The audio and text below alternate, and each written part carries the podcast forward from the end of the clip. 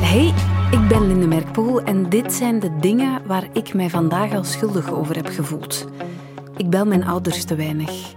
Mijn dochter is stevast het laatste kindje in de crash. Ik maak te weinig tijd voor mijn vriendinnen, maar het is ook al te lang geleden dat ik gesport heb. En had ik dit weekend wel frietjes op vrijdag en pizza op zaterdag moeten eten, dat zijn ze. Mijn kleine schuldjes van vandaag. Maar schuldgevoel kan ook zo groot zijn dat het ondraaglijk wordt. En daar had ik het over met de Roos van Ace. Zij maakte de podcast Mijn Schuld.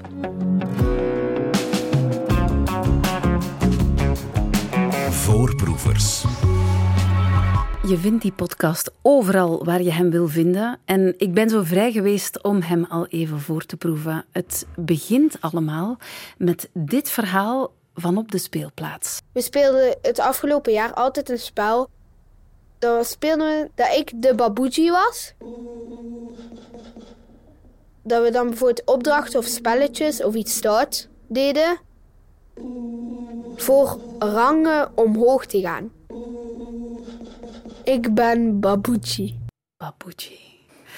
Die eerste seconde van die podcast vond ik al heel indringend. Wie horen we, Roos? Uh, dit is een, uh, een jongetje. Um, we wilden heel specifiek ook echt graag een kind in de podcast hebben. Omdat ik denk niet dat je over schuld kan spreken. Dat begint al heel jong. Uh, en we wilden de reeks al heel graag daar ook echt mee beginnen met een kind. En dit is een jongetje van zeven. En die vertelt, nee, iets ouder, negen. Die vertelt over, over iets waar hij heel erg van wakker lag. Namelijk dat hij op de speelplaats, je hoort het hem al zeggen, dat ze een spel speelde met verschillende rangen. Um, dus een soort kinderlijke, bijna militaire exercitie, exercitie waarbij je um, verschillende rangen omhoog kon door ja, eigenlijk stoute dingen te doen. Dus ze daagden elkaar uit om dingen te doen die niet mogen. Best wel vernederende dingen ook. En hij was de belangrijkste aanstichter daarvan. En op een gegeven moment is dat eigenlijk te ver gegaan. Heeft iemand iets gedaan en hij wil ook niet zeggen wat. Um, wat eigenlijk de grens overging en waar hij ook straf voor kreeg. Het spel ontspoort.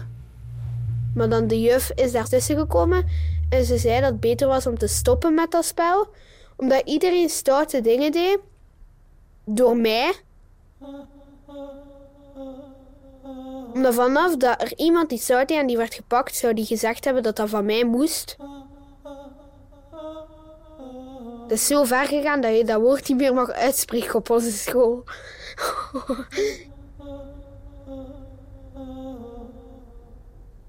Die avond dan zou ik in mijn bed liggen en dan denk je zo... Oh nee, dat is toch niet zo goed van mij. Ik voelde mij dan schuldig.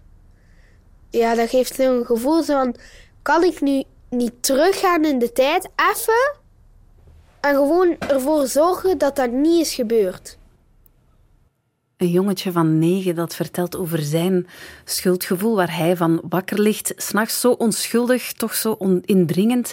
Uh, en hij snapt het, hè? schuldgevoel. En daarover gaat dus heel die podcast. Roos van Ees, waarom wilde jij en je collega Wederik de Bakker een podcast maken over dat thema, schuld? Uh, nou, het idee van de podcast uh, komt bij mij vandaan. Um, dus eigenlijk wilde ik uh, een project doen over schuld. Ik heb ook een reeks in de standaard geschreven over schuld, een reeks interviews. En de podcast is daar eigenlijk een uitbreiding van, waar veel meer in zit dan in de reeks in de, in de krant. En ik wilde heel graag. Ben altijd heel gefascineerd geweest door het thema. Ik ben zelf niet religieus opgevoed, maar het speelt natuurlijk in de filosofie, dat wat mijn achtergrond is. Ik heb filosofie gestudeerd, best wel een belangrijke rol. En ik denk dat het ook kwam omdat ik het gevoel merkte dat we in de media heel veel schuldvragen beantwoorden en daar veel over hebben. En dat ik denk dat het zaadje toch uh, begonnen is ook bij dat je gewoon een krantenkop ziet en iemand is veroordeeld of iemand is uh, wordt publiekelijk besproken. En dat je dan, dat bij mij toch altijd de gedachte was, en dat is eigenlijk de ondertitel van de reeks geworden.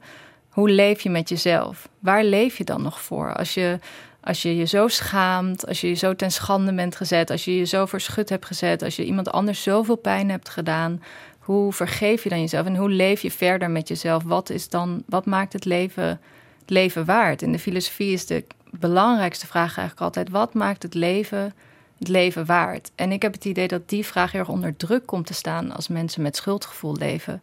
Omdat het leven dan niet meer zo um, ja, vanzelfsprekend is. Omdat je een hele grote last met je meedraagt. En opeens opnieuw moet gaan onderzoeken van ja, wat maakt het het dan nog waard voor mij? En hoe kan ik nog een leven leiden wat menswaardig is? Want als we naar mensen kijken met schuld, die gunnen we ook niet altijd de dingen die het leven mens ja, fijn maken. Mhm. Ehm, gelukkig zijn, dat hoor je heel veel in de podcast. Dat mensen zeggen, ja, als ik me dan even gelukkig voelde, dan dacht ik, ja, ik, dat mag ik nu toch niet voelen. Want eigenlijk hoor ik me de hele tijd te herinneren dat ik me heel slecht moet voelen. Want iemand anders voelt zich door mij ook heel slecht.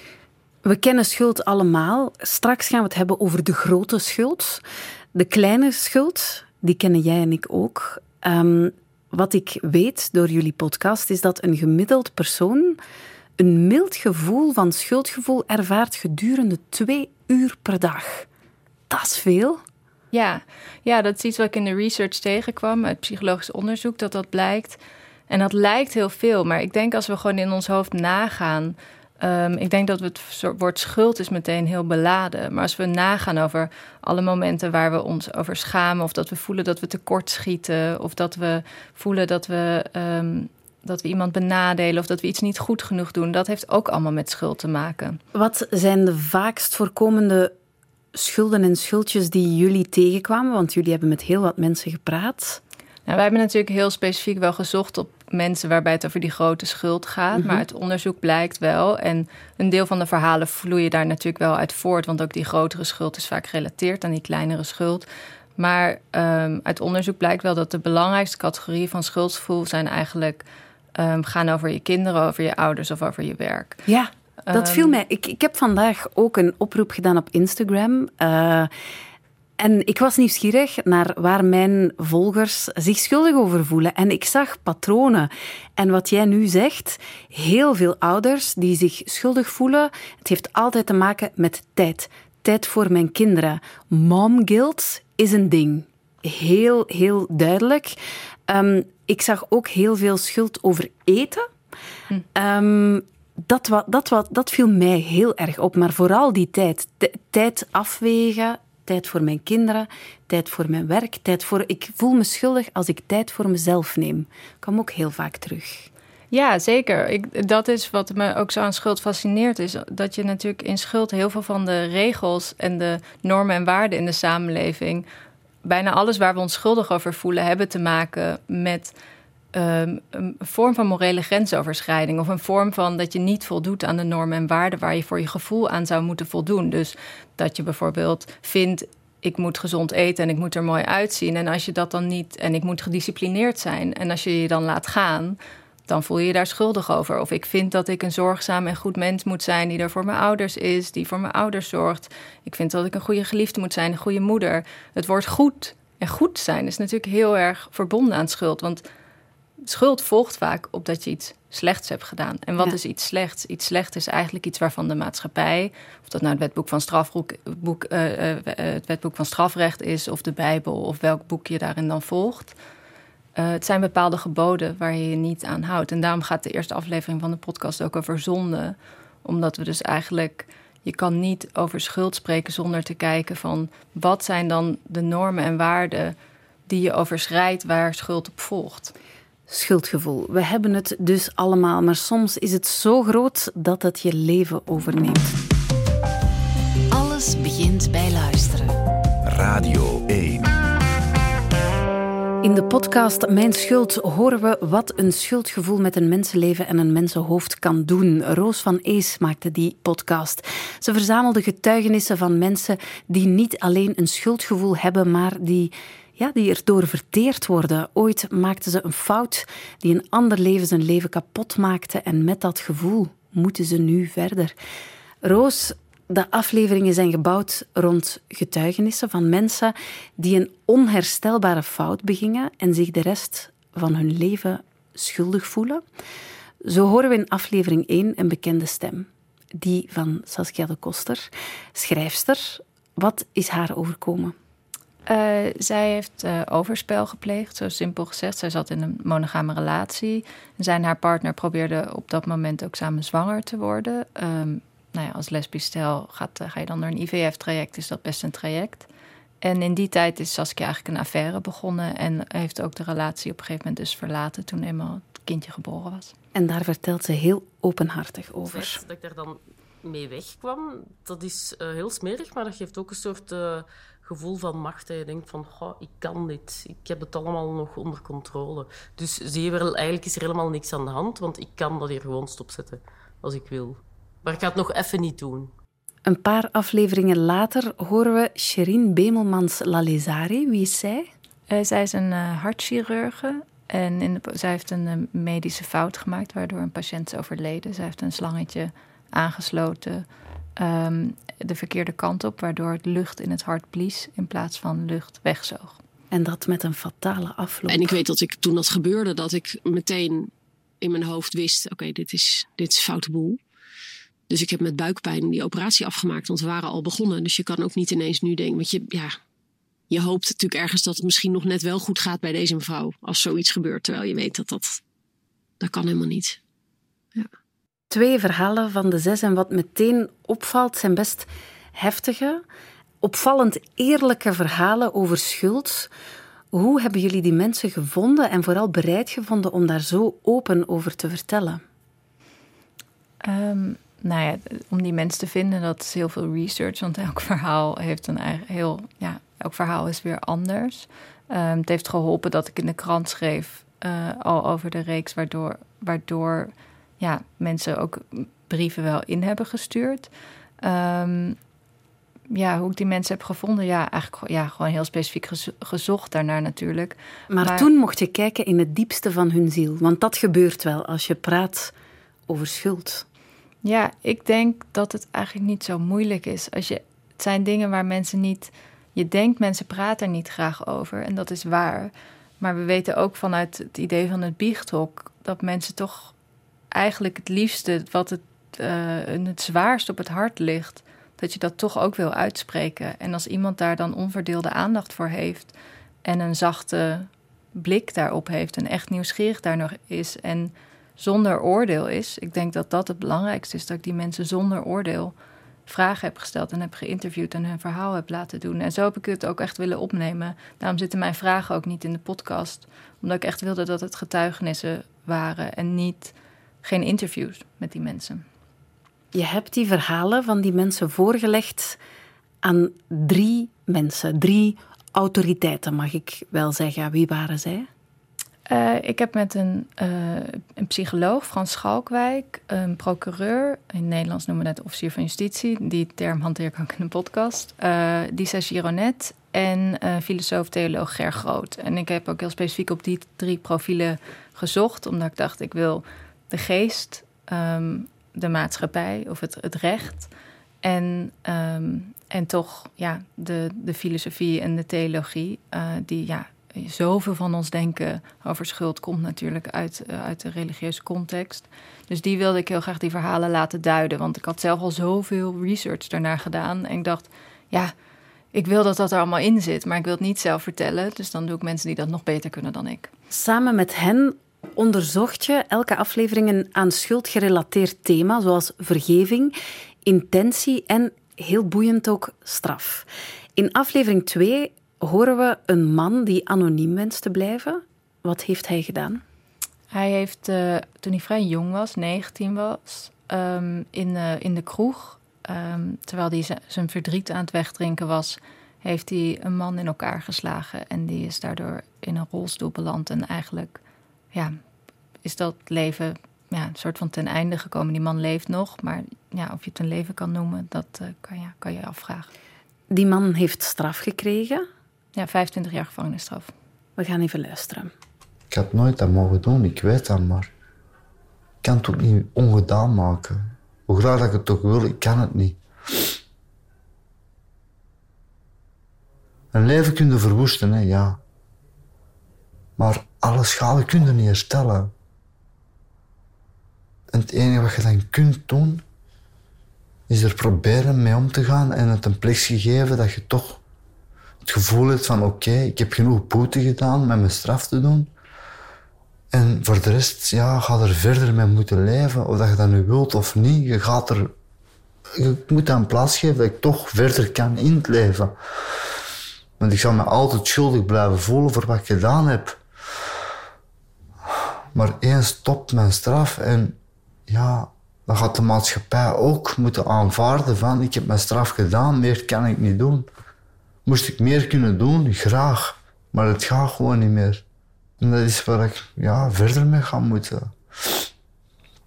Maar ik zal me er altijd schuldig om blijven voelen tot een dag dat ik ja, zelf zal sterven.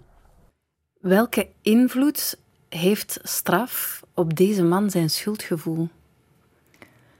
Nou, deze man, en niet alleen deze man, maar heel veel mensen hebben het gevoel dat je met straf, en dat klopt ook, dat je iets afbetaalt. Het concept schuld komt eigenlijk, heeft eigenlijk een heel economische oorsprong. Voordat de hele diep doorvoelde um, innerlijke schuldbeleving centraal komt. Je komt kiet te staan door de straf uit te zitten. Nou, dat hoop je. Ik bedoel, ik denk niet dat dat zo is. Mensen ervaren dat niet zo. Officieel los je je, straf los je, je schuld natuurlijk in met die straf. Officieel ben je daarna, is je, straf is je schuld ingelost.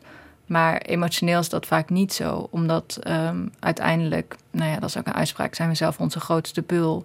En straffen we natuurlijk ook onszelf. En die straf loopt, loopt door. Als het trouwens gaat over hoe je mensen hebt gevonden voor dit specifieke verhaal, moet ik echt de credits geven aan mijn medemaker Wederik de Bakker. Die heeft deze man gevonden via Radio Begijnenstraat. Wederik heeft heel veel werk gemaakt in gevangenissen. Deze man zit namelijk nog vast. Die hebben we ook geïnterviewd in de gevangenis. Wil ook geen dag vroeger vrijkomen dan zijn veroordelingen?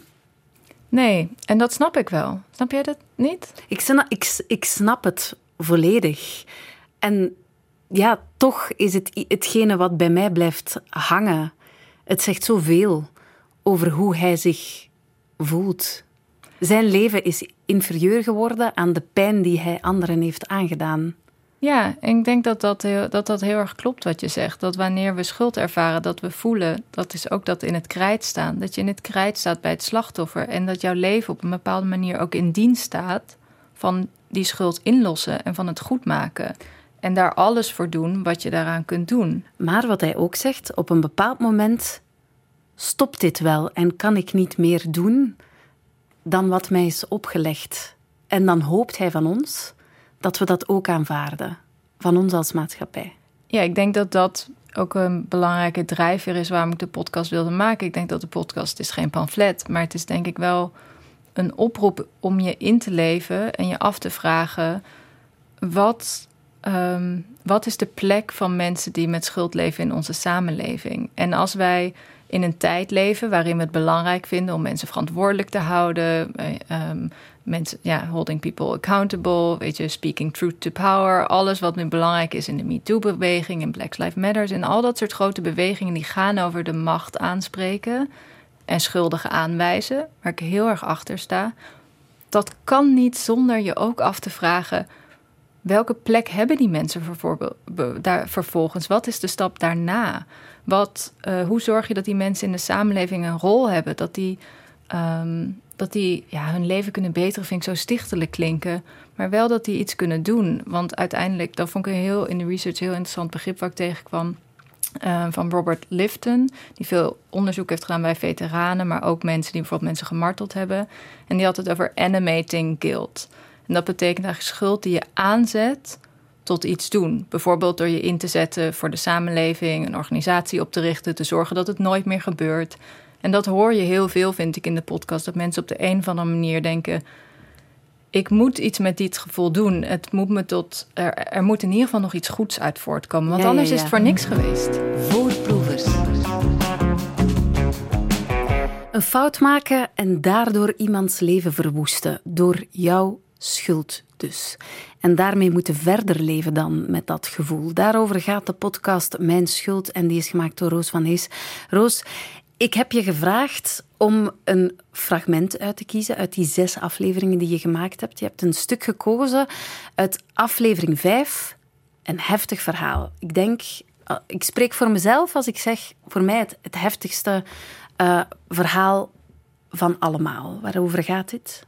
Uh, het is een anonieme getuigenis van een uh, zedendader. Een man die veroordeeld is voor seksueel kindermisbruik in de familiale context. meer specifiek het seksueel misbruik van zijn stiefdochter. Ja. Uh, het kan misschien voor sommige mensen moeilijk zijn om naar dit fragment te luisteren. Dat geven we er even bij. Dus we horen een dader van zedenfeiten die vertelt over het moment dat zijn zaak voorkwam voor de rechtbank. En hij voor het eerst zijn slachtoffer recht in de ogen kon kijken en haar hoorde vertellen.